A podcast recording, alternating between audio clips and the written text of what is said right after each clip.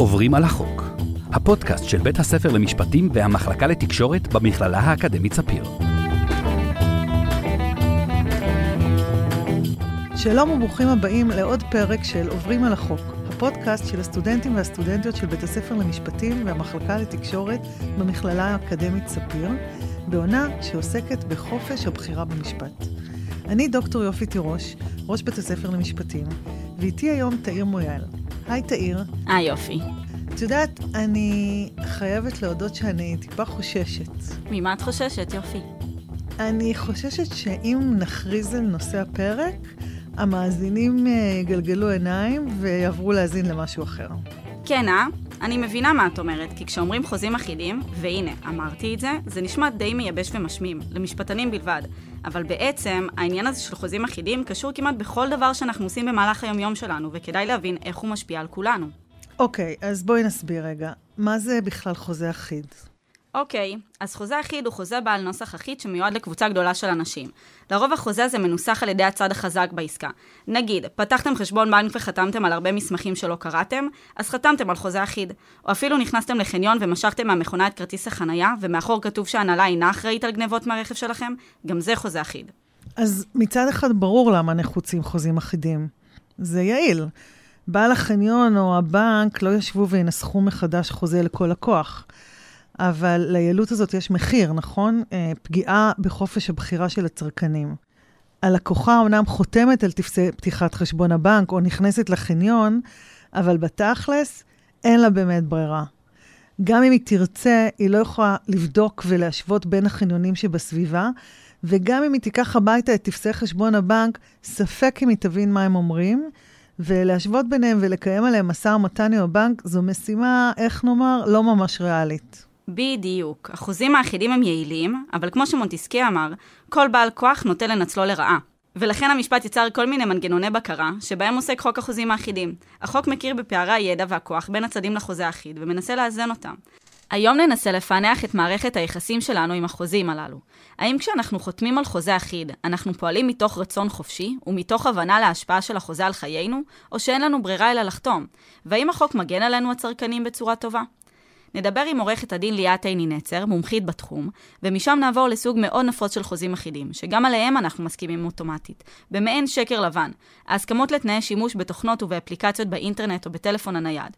ולצורך כך נדבר עם פרופסור טל ז'רסקי. לבסוף, נשמע לניסיונות לפשט את השפה המשפטית והסגנון שבהם נכתבים חוזים אחידים, מעורכת הדין דנה פאר. אז באמת, כדי לעזור לנו להבין מהו חוזה אחיד ובמה הוא שונה מחוזה רגיל, פנינו לעורכת הדין ליאת עיני נצר, מומחית עם ניסיון של הרבה שנים בייצוג חברות המנסחות חוזים אחידים. בואו נשמע את השיחה שקיימתם איתה, את תאיר ואסף הדר. שלום לעורכת דין ליאת עיני נצר, שותפה במשרד עורכי דין, בית ליבנבוק ושות'. שלום רב. היי ליאת. אה, אז אנחנו נשמח שתספרי לנו בעצם מהו חוזה אחיד. קודם כל הוא חוזה, ואחר כך הוא אחיד במובן זה שצד אחד של לחוזה, אה, בדרך כלל הספק, שהוא גם אה, בעל הכוח, ניסח את התנאים שלו באופן בלעדי, מבלי שניתן לשנות אותם במשא ומתן. אז למה בעצם צריך חוזים אחידים? למה שלא נסתפק בשיטה הרגילה של כריתת חוזה בין שני צדדים? אוקיי, okay, אז זה בעצם השאלה, אה, שאלת מיליון הדולר. אה, חוזים אחידים מאפשרים למעשה לתת שירות כמות גדולה מאוד של אנשים. תדמייני ש... שהבנק, שיש לו למשל מיליון לקוחות, יעשה עכשיו חוזה נפרד עם כל אחד מהלקוחות האלה. זה הרי לא יעלה על הדעת וזה ממש ממש ממש בלתי אפשרי. מעבר לזה, רוב השירותים שהבנק נותן הם שירותים שהוא נותן אותם באופן סטנדרטי לכולם. וזה הייחוד בעצם של האפשרות לתת את אותו שירות להרבה אנשים, מה שכמובן מוזיל גם מאוד מאוד. מאוד את השירות. החוזה האחיד משקף בין היתר את האחידות הזאת, ונותן בעצם לאנשים גם את השלווה הנפשית שכולנו בבנק אותו דבר. איפה אזרחים ביום יום שלהם אה, נתקלים אה, בחוזים אחידים?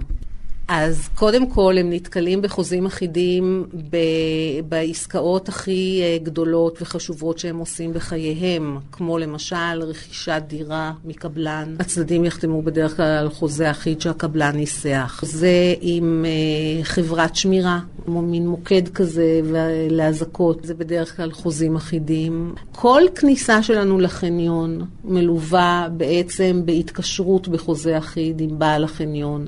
שלפיו אנחנו משלמים חמישה שקלים לשעה נניח, והוא לא אחראי על נזק או חפץ בעל ערך שיגנב לנו מהמכונית. אז באמת אנחנו בכל מקום נפגשים בחוזים האחידים, וכמו שאמרת, יש גם חוזים אחידים שהם uh, משפיעים על העסקאות הכי חשובות שאנחנו עושים בחיים, כמו הסכם מול קבלן. Uh, ורצינו לשאול האם יש לנו בכלל את החופש להסכים או לא להסכים, או להיכנס למשא ומתן בחוזים אחידים.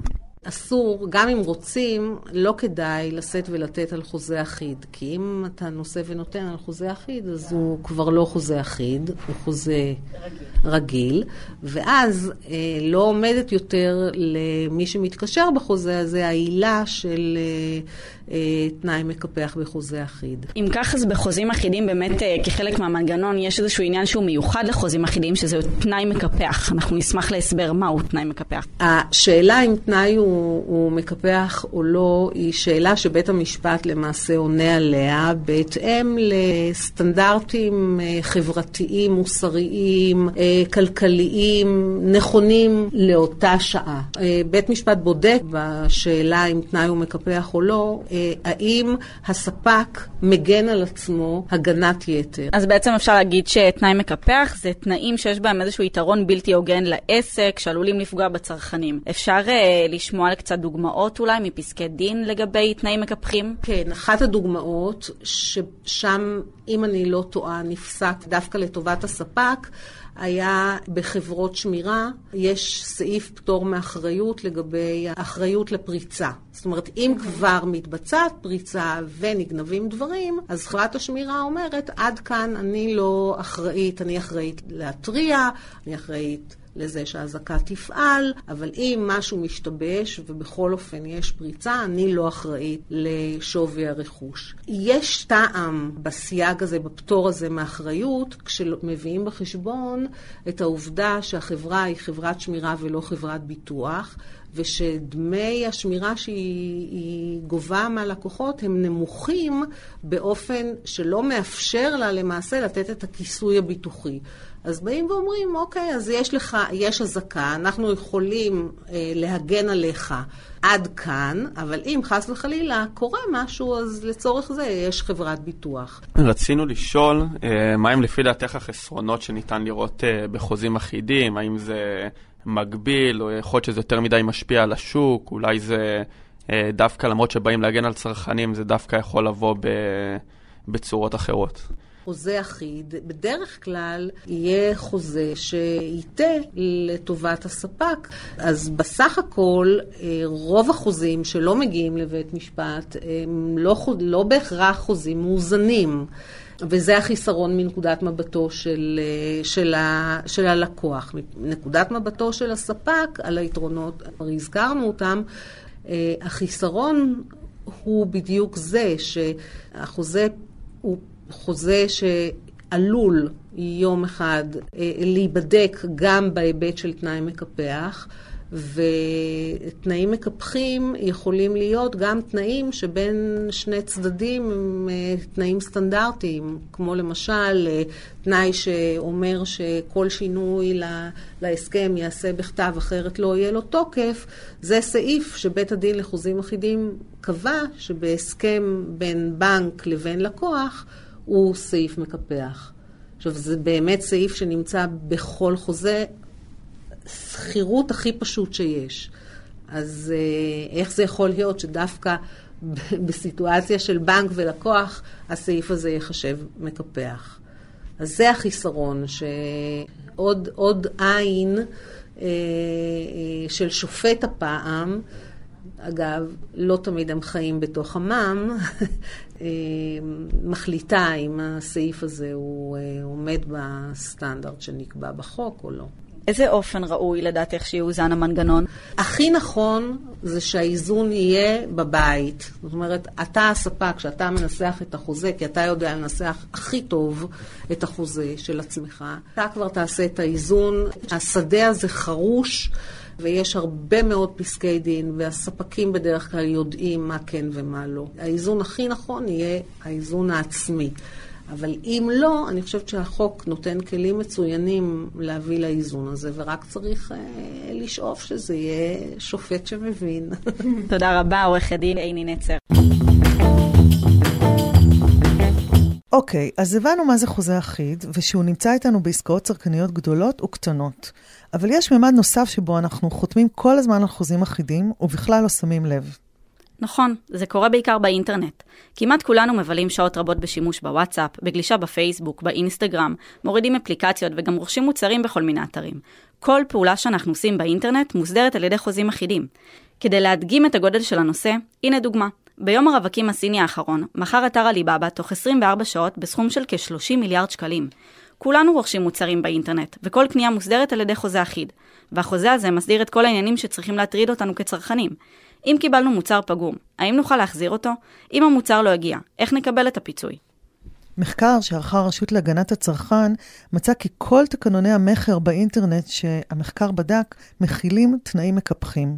תנאים מקפחים הם תנאים שנותנים יתרון בלתי הוגן לחברה בעלת הכוח אל מול הצרכן ועלולים לפגוע בו. לאור העלייה המשמעותית בצרכנות באינטרנט בשנים האחרונות, אסף ואת ראיינתם את פרופסור טל ז'רסקי, סגן הדיקן בפקולטה למשפטים באוניברסיטת חיפה, ומנהל משותף של המרכז לסייבר, משפט ומדיניות. פרופסור ז'רסקי הסביר על עולם הצרכנות באינטרנט, והאם באמת יש לנו חופש בחירה בכניסה לחוזה אחיד, והשפעה על התנאים שלו, או שאנחנו חלשים במערכת היחסים הזאת, ונכנסים לחוזה בלית ברירה. שלום טל. אה, ב Black Friday האחרון אה, להערכה בוצעו עסקאות בשווי של 60 מיליארד דולר ברחבי ארצות הברית אה, ורצינו שקצת תפרט על איפה הפרט פוגש חוזים אחידים באינטרנט ותרחיב קצת בנושא. המתחם הווירטואלי יוצר שינוי משמעותי, ממש שינוי פרדיגמטי בהיקף החוזים המקוונים. אומנם אה, בעולם הרגיל אנחנו נפגשים בחוזים אחידים בהקשרים רבים מאוד, ששוכרים רכב, פותחים חשבון בנק אה, ומתקשרים עם חברת הסלולר. אבל בהקשר הווירטואלי, בעולם הווירטואלי בעצם כל צעד ושעל שלנו הוא כפוף למסגרת של חוזה אחיד. זאת משום שברגע שאנחנו נכנסים לאתר מסוים, גולשים שם, אנחנו כפופים למערכת של חוזה אחיד, אשר לא רק מסדירה את החוזה הסופי, אלא מסדירה את כל התנהלותנו באתר מתחילה ועד סוף, והדבר נוגע לא רק לאתר רכישות מסוים אמזון או אלי אקספרס, אלא לכל מסגרת וירטואלית אליה אנחנו נכנסים, לכל חנות וירטואלית, לכל ספק. כל ההקשרים הללו מתווים סביבנו חוזה אחיד שבו אנחנו מתקשרים ובכך מכפיף את כולנו למערכת הדינים המעניינת. אתה חושב שבתור אזרחים אנחנו צריכים לדאוג מכך שחוזים אחידים הפכו להיות הרבה יותר נפוצים בעידן הדיגיטלי? תראו, האינטואיציה הראשונית הבסיסית ובמקרים רבים מאוד הנכונה היא שיש מקום לדאגה.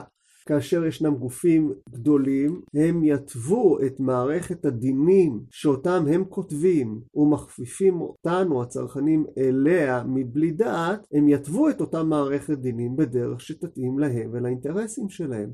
והדבר יוביל לתוצאות של חוסר הגינות כלפי צרכנים אשר אין להם מצד אחד ידע על הדברים לפני כניסתם ומצד שני אין להם כוח השפעה כנגד אותה פלטפורמה. אבל אני רוצה גם לציין את הצד השני מאוד בקצרה. מסחר אלקטרוני ובכלל פעילות אינטרנטית יש בה תועלות רבות מאוד מאפשרות מסחר חוצה גבולות, כך שיהיו שיגידו שהחוזה האחיד הוא כמו שאנחנו חותמים על הסכם עם השטן, אבל יהיו שיגידו שזו עסקה שכולנו מוכנים לקבל, שמדי פעם, בעיקר אם אנחנו עוסקים בעסקאות קטנות באלי אקספרס או באייסוס, לא שאני עושה כאן פרסומות לאתרים השונים, אז אנחנו נהיה מוכנים לספוג את הסיכון מתוך הבנה שאנחנו נהנים מהמסחר העשיר הזה בהקשרים רבים אחרים. מצד אחד באמת אנחנו, כמו שאתה אומר, אמורים לספוג את הסיכון הזה שיכול להיות בחוזה אחיד. מצד שני, אה, בדיקה שערכה הרשות להגנת הצרכן הציגה שכל החוזה מכר באינטרנט שהיא בדקה הכילו תנאים מקפחים. אתה חושב שאפשר להסיק מכך שהחוק לא מצליח להגן על הצרכן?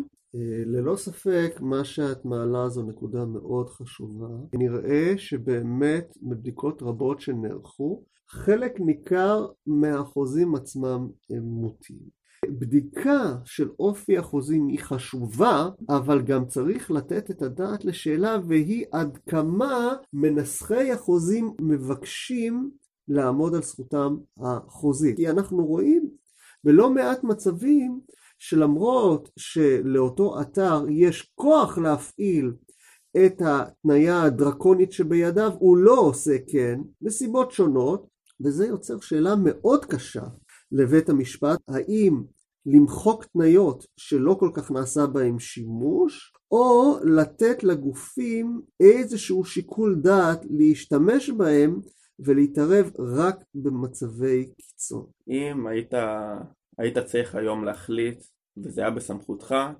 לבוא ולאזן בעצם בין הרצון שלנו להגן על הצרכן וליצור חוזים שהם אה, הוגנים, לבין בעצם מה שאתה אומר, שהשוק בעצמו יוצר, אה, יוצר מבנים שהם בעצם לטובת הצרכן בגלל שהתחרות גדלה.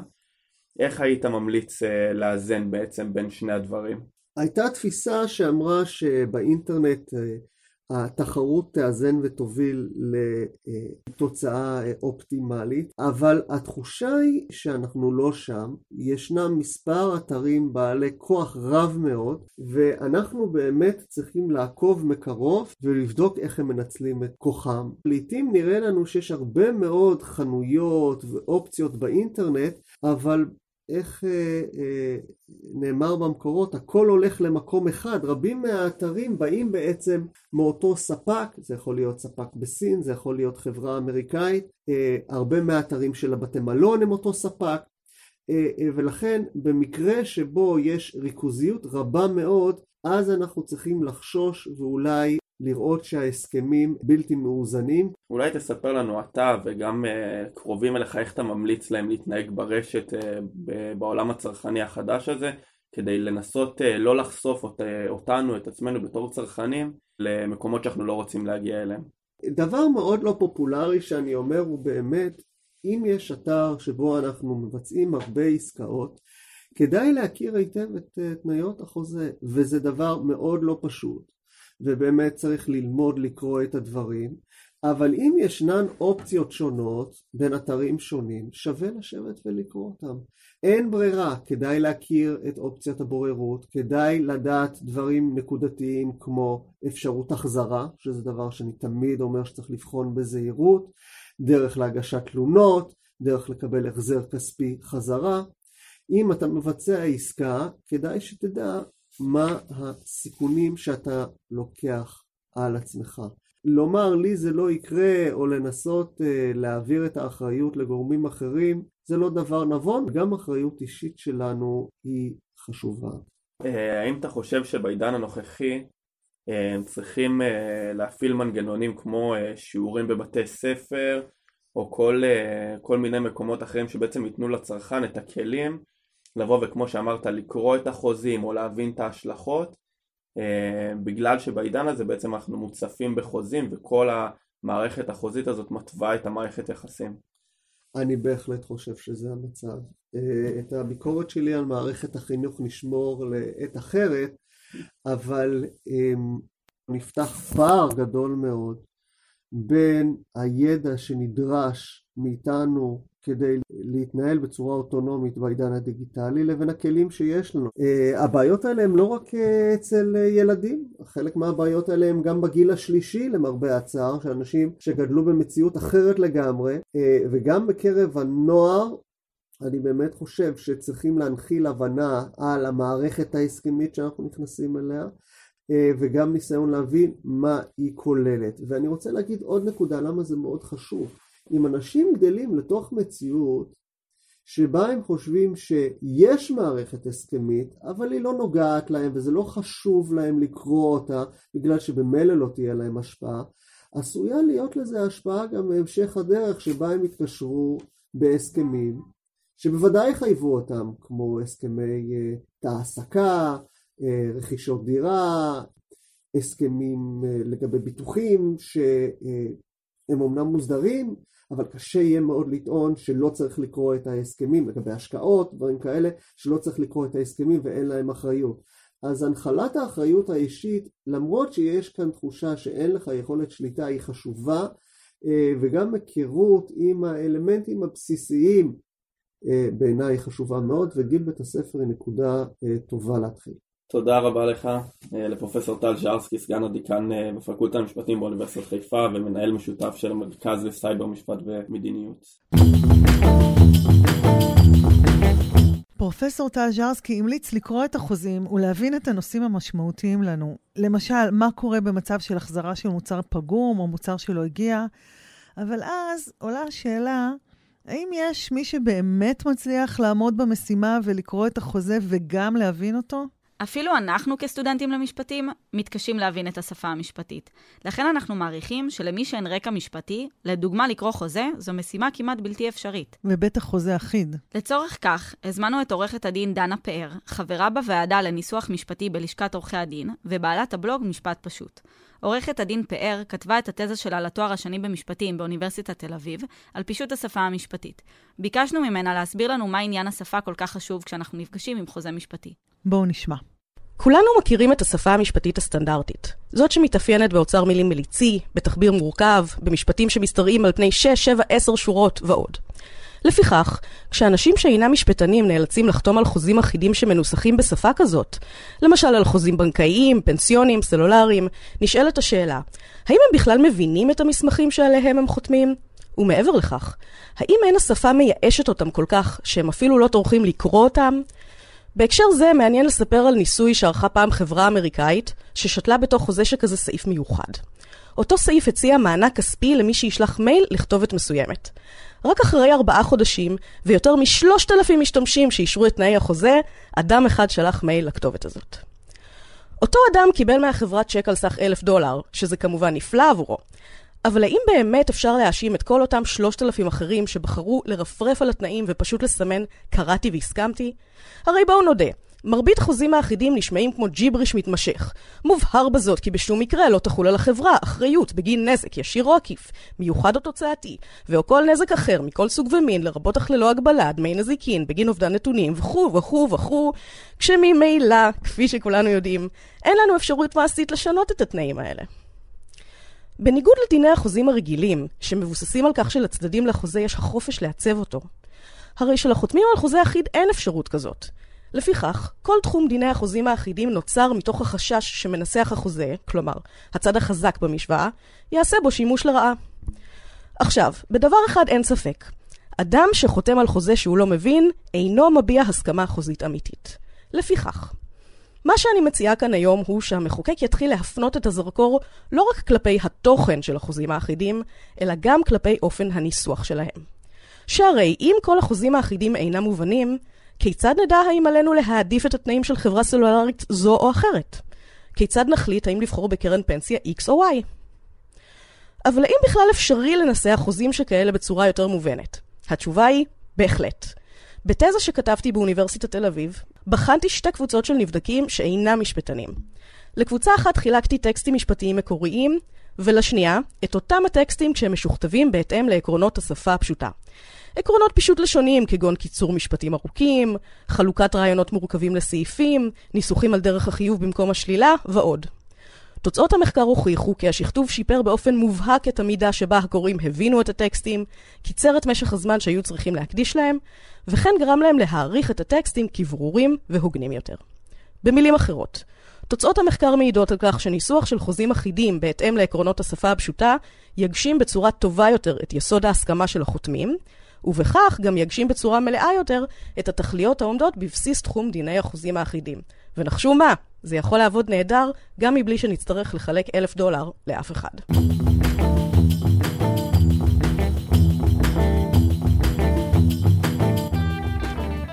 אז מה היה לנו היום, תאיר? למדנו כמה דברים. ראינו עד כמה חוזים אחידים משולבים ובלתי נפרדים מהחיים היומיומיים שלנו. למדנו שחוזים אחידים נראים לנו כעוד מסמך שפשוט צריך לסמן בו וי ולחתום את השם שלנו, אבל בפועל הוא מלא במידע קריטי. דווקא בגלל שהחוזים האחידים משולבים בצורה בלתי נפרדת בחיינו, אנחנו מבינים שההסכמה לחתום עליהם היא לא מלאה כמו שהיינו מצפים. אחת הדרכים לפצות על הפגיעה ביכולת שלנו להסכים, הוא חוק שכולו מוקדש לאיזון פערי הכוחות בין הצדדים לחוזים אחידים, שנקרא חוק החוזים האחידים. מגניב. אני, מה שבטוח, לעולם לא אתייחס אותו הדבר לכרטיס החנייה בחניון. תודה רבה, תאיר, ותודה שהאזנתם לעוד פרק של עוברים על החוק. הפודקאסט של הסטודנטים והסטודנטיות בבית הספר למשפטים ובמחלקה לתקשורת במכללה האקדמית ספיר. באולפן היינו תאיר מויאל ואני, דוקטור יופי תירוש. תודה למאיה גאייר, לאסף הדר, לטל רותם ולסיון מגוס. להשתמע.